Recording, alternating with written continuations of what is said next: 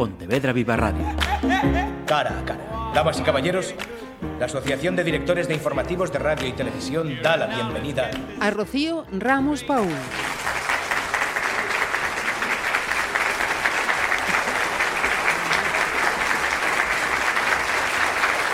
Hola, saludos. Si estáis escuchándonos es que ya habéis visto la cara de la persona invitada de este cara a cara, valga la redundancia, sobradamente conocida por sus intervenciones en televisión, en radio. Hemos eh, invitado a la psicóloga Rocío Ramos Paul aprovechando una de las charlas eh, que durante estos meses de noviembre y diciembre pues se está dando aquí por la provincia de Pontevedra. Así que lo primero de todo, muchísimas gracias, Rocío, muchísimas gracias. Muchísimas gracias por la invitación. A por, el, por el huequito, que además mucha suerte con el tiempo no estás teniendo. No, ninguna, pero oye, mira, ¿qué le vamos a hacer? Esto, he llegado, que es lo ah, importante. Efectivamente, efectivamente. Mira, em, primera referencia a estas intervenciones que estás haciendo aquí por la provincia. La difícil tarea de educar hoy. Ya te imaginas la pregunta, soy muy poco original hoy más fácil o más difícil educar que hace 25 o 30 años? Pues no te creas que hace mucho que no me hacen esta pregunta, así que puede ser original igual que todas, que no. No, yo, hombre, yo suelo hablar de que uno tiene que educar en el momento que le toca. Entonces, eso yo no sé, hace unos años era más difícil o menos, o no me atrevería a, valorarlo. Además, en general el ser humano piensa que cualquier tiempo pasado fue mejor, ¿no? Pero es un tiempo muy bonito para educar, en el que hay que tener en cuenta pues las situaciones, las dificultades que vamos teniendo el momento, el contexto, etcétera. ¿no? Hablando de momento, de contexto, otra de las máximas de esa convocatoria, la familia como motor de cambio. Las familias que mm, ahora mismo pues hay una diversidad que no había pues hace, unas décadas. Esos eh, nuevos contextos eh, tienen unos hándicaps como es el hecho de la conciliación de las eh, familias. Y en este tema de la conciliación yo te quería preguntar concretamente mm, por el papel de los, de los abuelos. A tu modo de ver, ¿qué mm, cosas positivas y menos positivas tiene esa circunstancia? Bueno, para los abuelos que les preguntas a ellos y te lo cuentan rápidamente, hay un, un punto de corte importante. O sea, yo desde mi punto de vista, el papel del abuelo es el del cómplice, el del confidente, el que da caprichos, y, no, y tendría que ser así, ¿no? El que pasa tiempo de ocio con los nietos, etcétera. Claro, el punto de corte del que te hablaba es, claro, si yo obligatoriamente tengo que cuidar de mis nietos, ya la cosa cambia, porque ya se convierte en una obligación. y muchas veces, lógicamente, genera muchos conflictos a la hora de educar entre los, los padres y los abuelos, ¿no? En ese sentido. Es verdad que muchas veces cuando nosotros trabajamos esto en el despacho, me refiero, cuando digo nosotros trabajamos esto, eh, hay una parte que yo creo que los padres tienen que tener en cuenta. Es decir, yo recuerdo, por ejemplo, una madre que decía, no, yo me voy a cenar, le dejo a los niños eh, y hay que ver cada vez que vuelvo han estado toda la tarde jugando a la tablet, ¿no? Entonces tú le dices, vamos a ver, tú dejas a los niños y dejas a los niños. No podemos pedirle a los padres, eh, a los abuelos, perdón, que se equilibra un poco la conversación, que, hagan tu función. ¿De acuerdo? Entonces sí podemos pedirle colaboración, sí podemos explicarle las cosas, pero tendremos que entender que una parte del conflicto es intentar imponer que ellos hagan algo cuando tú no estás, ¿no? Y eso no lo haces con el cole. O eso no lo haces en general con un vecino que se lo dejes una tarde. Si han estado jugando a la tablet, pues han estado jugando a la tablet. Tú has cenado. Yo le decía a esta madre, tú has cenado, te lo has pasado bien, has disfrutado. Bien, pues entonces esto es un poco el punto que tú dices de conciliar este contexto donde efectivamente los abuelos muchas veces, demasiadas veces, cobran más protagonismo del que tendrían que tener en, la parte de la educación. ¿no? Eh, también en referencia a estas charlas, educar en el esfuerzo y la responsabilidad. Por tu experiencia, ¿consideras que se ha mm, desvirtuado o relajado en el tema de la educación el esfuerzo y la responsabilidad. Yo creo que son dos conceptos que tienen que tener los padres siempre delante. Y, me da igual si son, es con tres o si es con dieciséis. Porque eh, una de las cosas que tienen que aprender, porque ayuda a todos los niveles, ¿eh? a, valorar lo que tienen, trabaja las emociones, aunque creamos que no, yo se lo explico mucho a los padres, ¿no? Es esto de necesitar hacer algo para conseguir algo. ¿De acuerdo? Porque los estoy educando en algo que es necesario. Es decir, yo les digo a los padres, a ver, tú llegas a trabajar porque tienes una nómina. Y hay a quien no le gusta escucharlo, pero es así. ¿De acuerdo? Otra cosa es que yo te ayude, o, como, o a ti te hayan ayudado a entender que además tu trabajo esté bien hecho, que eso tiene que ver con la motivación interior y con las ganas de hacer las cosas bien, etc. Pero para llegar a eso, yo tengo que darle responsabilidades a mis hijos y además, eh, la medida que se esfuerzan por cumplirlas, premiarlas. Luego el premio externo no es necesario, pero para llegar al proceso de yo llego y trabajo y trabajo bien porque yo por motivación propia quiero hacerlo, tengo que pasar todo ese proceso. En este proceso luego se mezclan muchas ideas de los padres, que no sufran para que sean felices, que no tengan que pasarlo mal, que evitarles traumas. bueno, traumas yo es una palabra que me río mucho porque un trauma es una cosa muy gorda y que en general no se producen, ¿no? Tendríamos que hablar de situaciones muy complicadas, no en el día a día, ¿no? Y la responsabilidad, ¿por qué? Pues mira, por ejemplo, te decía antes, la inteligencia emocional, yo lo suelo contar, ¿no? Si yo a mi hijo no le pido que ponga la mesa cuando tiene 14 años, ¿vale? Nunca va a entender que cuando yo llego cansada hago la cena. Y eso es educar en empatía. Así se empieza. Se empieza cuando él se da cuenta de que aunque yo esté cansado, tengo que colaborar en casa. Y desde ahí pasa a dar el salto del que estamos hablando. Es decir, cuando mi madre llega cansada o a pesar de que esté cansada o mi padre me echa un cable con los deberes, está pendiente de la cartera del día siguiente, del material que yo tengo que llevar. Entonces, muchas veces hablamos de empatía, de tal, pero no le ponemos, que es lo que a mí me gusta cuando hablo con los padres, no le ponemos el cómo. A mí me gusta trabajar mucho el cómo. Entonces, todo lo que hablemos de, de, empatía, educación emocional, es fantástico y es fundamental. Pero en casa las cosas se trabajan así.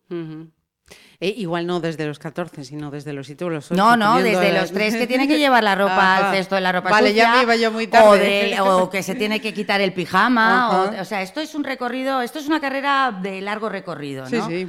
Eh, piensa que un hijo dura más que una hipoteca últimamente. Entonces, uno tiene que estar preparado para estar en cada etapa pidiendo el número de responsabilidades que el niño te vaya eh, no demandando, porque no te las va, a, demandar, pedir. pero que tú veas que tiene capacidad para ir haciendo. Mira, has hablado antes, nosotros en el despacho, eh, una pregunta por ahí. Si me explicas qué es el método WITS. Sí, bueno, el método WITS es una historia que eh, a mí me gusta mucho investigar y entonces decidí meterme en una historia de neurofeedback que está muy de moda. Y lo que hace en realidad es trabajar la atención, la concentración y la memoria, ¿no? Entonces, a partir de una, una serie de videojuegos, entre comillas, podríamos decir, de forma lúdica, se va entrenando esas capacidades, ¿no? Esas capacidades que tienen que ver con una cosa que nos falla mucho con los niños últimamente, que son las funciones ejecutivas, que esta palabreja tan rara no es más que saber que cuando uno tiene una dificultad tiene que generar alternativas de solución, elegir una, ponerla en marcha, evaluar qué tal le ha salido y a partir de ahí decidir si coge otra de las alternativas que había generado o no. Hay múltiples formas de trabajar esto, pero en nuestro caso ahí descubrimos que de forma lúdica se podía ir entrenando y se podía ir aprendiendo. Ajá. Que nada más me imagino que trabajando con niños eh, siempre es mucho más, más sencillo con mejores resultados. Sí, aprenden más rápido. Todos aprendemos durante toda la vida, ¿eh? Sí. Pero no se termina de aprender hasta el último día. No se Eso decía el abuelo, eso decía el abuelo. Mira, eh, me gustaría que, no te voy a liar mucho, que sé que, andamos con el tiempo justo, pero esta parte final de la entrevista eh, quería, em, entre comillas, relajarla un poquito, ¿no? Si nos pusiésemos en el contexto de las redes sociales, te diría, Rocío, ¿me das un me gusta o no me gusta? Pero en vez de eso, te voy a decir que me des un em, te lo compro o no te lo compro o apruebas o desapruebas. Voy a recurrir al conocidísimo por todos y por todas frases del manual de madre. Y te voy a pedir que me digas eso, apruebo, desapruebo o te la compro o no te la compro. ¿Por qué? Porque te lo digo yo que soy tu madre. Depende de la edad. ¿Te la compro o no te la compro? Depende. Cuando son muy pequeños, nunca es bueno dar explicaciones largas. Ajá. ¿Vale?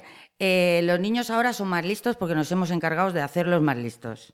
¿Vale? Nos los hemos llevado a 100.000 sitios, los hemos estimulado y ahora no les vale porque lo digo Ponerles el freno. Pero es verdad que si un niño tiene dos años no te puedes poner a explicarle, oye, si te acercas al enchufe te va a dar calambre, etcétera, es porque no. ¿De acuerdo? Entonces depende de la edad y del momento. Y luego, sobre todo, hay una cosa que a mí me encanta, ¿eh? O sea, culpabilidad es cero. Es decir, uno un día se puede levantar autoritario y el día siguiente se puede levantar. La tónica general que se tiene que marcar tiene que ser la que nosotros vayamos buscando. Pero oye, a lo largo del día uno puede llegar cansado y decir, porque lo digo yo y ya lo hablaremos mañana. Eso es. ¿no? Perfecto. Eh, ¿Que dónde están tus zapatos? En su sitio. es maravillosa esa frase. Eso es maravillosa. Pero fíjate que muchas veces tiene que ver, esto tiene que ver más con los adolescentes. Y, y, últimamente, como se ha estudiado mucho el tema de los adolescentes y nos van dando la razón a los que hemos trabajado sin saber por qué lo hacíamos, este tema, este tipo de historias, es que la capacidad de concentración es complicada para ellos. Entonces viven como en una especie todo el rato donde reciben inputs de eh, cuando se quieren concentrar en un tema o quieren buscar algo, se les cruza, ¿no? El, amigo, la novia, eh, la salida, el no sé qué, y están haciendo mil cosas, la pelea que han tenido, y entonces no se fijan. Y luego también es verdad que muchas veces les hacemos demasiado el trabajo. Vale. Eh, como cuente hasta tres y no hayas venido, ¿verdad? Y el dos y medio, tres menos cuarto que va después, no funciona. No funciona. esa no se compra. Bien. Eh, esta son muy parecidos, aunque entiendo que van, vienen a ser lo mismo. Como vaya yo, vas a llorar con motivo. Hacía mucho que no oía esa frase, yo, de verdad te lo digo, ¿eh? de, pequeña la he oído, ¿eh? la he oído, pero ahora parece que han cambiado las tornas y no se dice, ¿no? Vas a llorar con motivo. No vale nada, o sea, la amenaza o el, a ver, todos lo hacemos. O sea, yo parto de la base de que todo el mundo en, algún momento, que no, sea la tónica general, te repito, es lo importante, ¿no? Si te refieres a la torta o al castigo físico, hombre, pues ya tenemos demostrado que hay dos razones fundamentales. Una es que para al niño pero no educa y luego es que desgraciadamente le, transmites la idea de que la agresividad puede ser una forma de responder ante determinados conflictos. ¿no? Y yo añadiría una tercera y es que muchas veces cuando esto se utiliza de forma regular, la intensidad tiene que subir, porque no es lo mismo la primera torta que la segunda, ¿no? Entonces tiene complicado sobre todo de cara a la adolescencia. Bien. Eh, pero tú qué te has creído, que yo soy el Banco de España. Esa es maravillosa. Esa me encanta, porque eh, es verdad que hay una. Vivimos una etapa donde los niños se creen que las cosas son mágicas, ¿no? Se cargan el cepillo de dientes y al día siguiente hay uno en el bote y no saben quién lo ha comprado ni lo que vale. Tú pregúntale lo que vale, ¿no? Es imposible. Entonces yo creo que llega un momento en que se tienen que hacer conscientes de lo que valen las cosas. La paga, por ejemplo, para eso es maravillosa. Desde chiquitos en qué te lo has gastado, cuánto te ha costado. ¡Joder, mamá, es que ha sido carísimo! Pues hijo, sí, es que la vida es carísima, ¿no? Y si encima viene, como decíamos al principio, de un esfuerzo previo, por haber hecho tus tareas o tus responsabilidades, pues todavía más porque es tuyo. A todos nos duele mucho más lo nuestro que lo del al lado. Entonces el, Banco de España me encanta. Eh, ya verás cómo se entere tu padre. Pues fíjate, esta eh, tampoco te la compro porque aquí lo que tenemos que intentar es que tanto uno como el otro den respuesta. Cada uno en su estilo, ¿eh? O sea, yo que no haya un poli bueno, poli malo. Poli bueno, poli malo, no. Y además es que eh, quien utiliza esa frase, sea ya verás cuando venga tu madre o tu padre, me da lo mismo. se va a encontrar con un problema el día que quiera poner un límite y no esté el otro, ¿no? Entonces, bueno, yo creo que ahí hay que trabajarse. A estos les recomendaría que se trabajaran por la noche un poco de coordinación a la hora de decidir qué van a hacer en función de qué comportamiento. Vale. Eh, ¿Y si tus amigos se tiran de un puente, qué? ¿Tú también te tiras? Esto es, ¿sabes qué pasa? Que es que hay una etapa donde si yo no estoy incluido en el grupo, no tengo autoestima, ¿entiendes? y es difícil, es difícil luchar con esto. Hay que hacerlo, o sea, hay que hacerlo, ¿eh? hay que... Pero ellos quieren ser todo lo contrario a ti y parecerse lo más posible a, sus amigos. Y desgraciadamente, bueno, desgraciadamente no, son procesos que son necesarios. Al igualarse con sus compañeros y al sentirse dentro del grupo, es verdad que su autoestima pues, se ve un poco más cubierta, ¿no? Eh, un día cojo la puerta, me voy y a ver qué hacéis. Te irías. Yo digo, si te vas a ir, díselo. O esta le puedes sumar la de tiro todos los juguetes a la basura si no están recogidos, te pongo las maletas en la calle por llegar tarde, etcétera. Yo le digo, ¿tú lo vas a hacer? Si lo vas a hacer, adelante. Si, no, no amenaces, eh, suena, como la canción, o sea, ¿no? oyen como el que oye llover. Si te enfadas tienes dos problemas, enfadarte y desenfadarte. Maravilloso, esa me encanta. Porque ahí ves un poco como. Yo siempre digo que a las abuelas ya la- hay que escucharlas mucho, ¿no? Y entonces esto tiene mucho que ver con la educación emocional. Es decir, querido, mm, arregla el tema como puedas, haz lo que puedas con esa Gestiona. ira y ese enfado, gestiona, pero resuelve, porque es que si no, lo único que vas a, conseguir es estar enfadado y mal todo el día, ¿no? Ajá. Eh, yo te lo digo por tu bien. es que son Sí, deliciosas, sí, ¿eh? sí, son sí, sí, deliciosas. Yo te lo digo por tu bien y yo, y aunque no nos lo creamos, mm, sobre todo porque estaba más dirigida también de nuevo al tema adolescente, son muy capaces de entender que lo que se les pide es justo. El problema está en que se lo imponemos y eso no les gusta ni media. Pero ellos son muy capaces de entender y reconocer que los límites son justos, los piden, de hecho. Y ya para terminar, antes de pedirte otra cosita, el come y calla. Come y calla. Come y calla lo hemos tenido que variar mucho.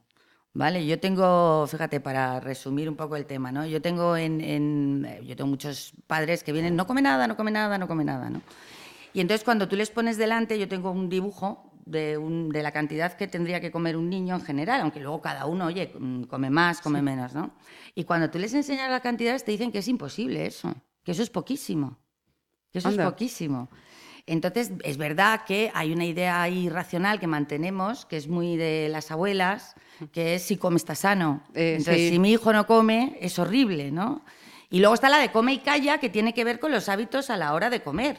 No cantes, no Sí, tal. Y no esos te- a mí sí me gustan, esos te los compro. Ajá. Porque esos ayudan mucho al hábito de la O alimentación. sea, no es la parte autoritaria de come y calla, sino come y calla, no te distraigas, no, estás a comer, estás a comer. No cantes, eh, charla conmigo, cuéntame lo que tú quieras, pero céntrate, ¿no?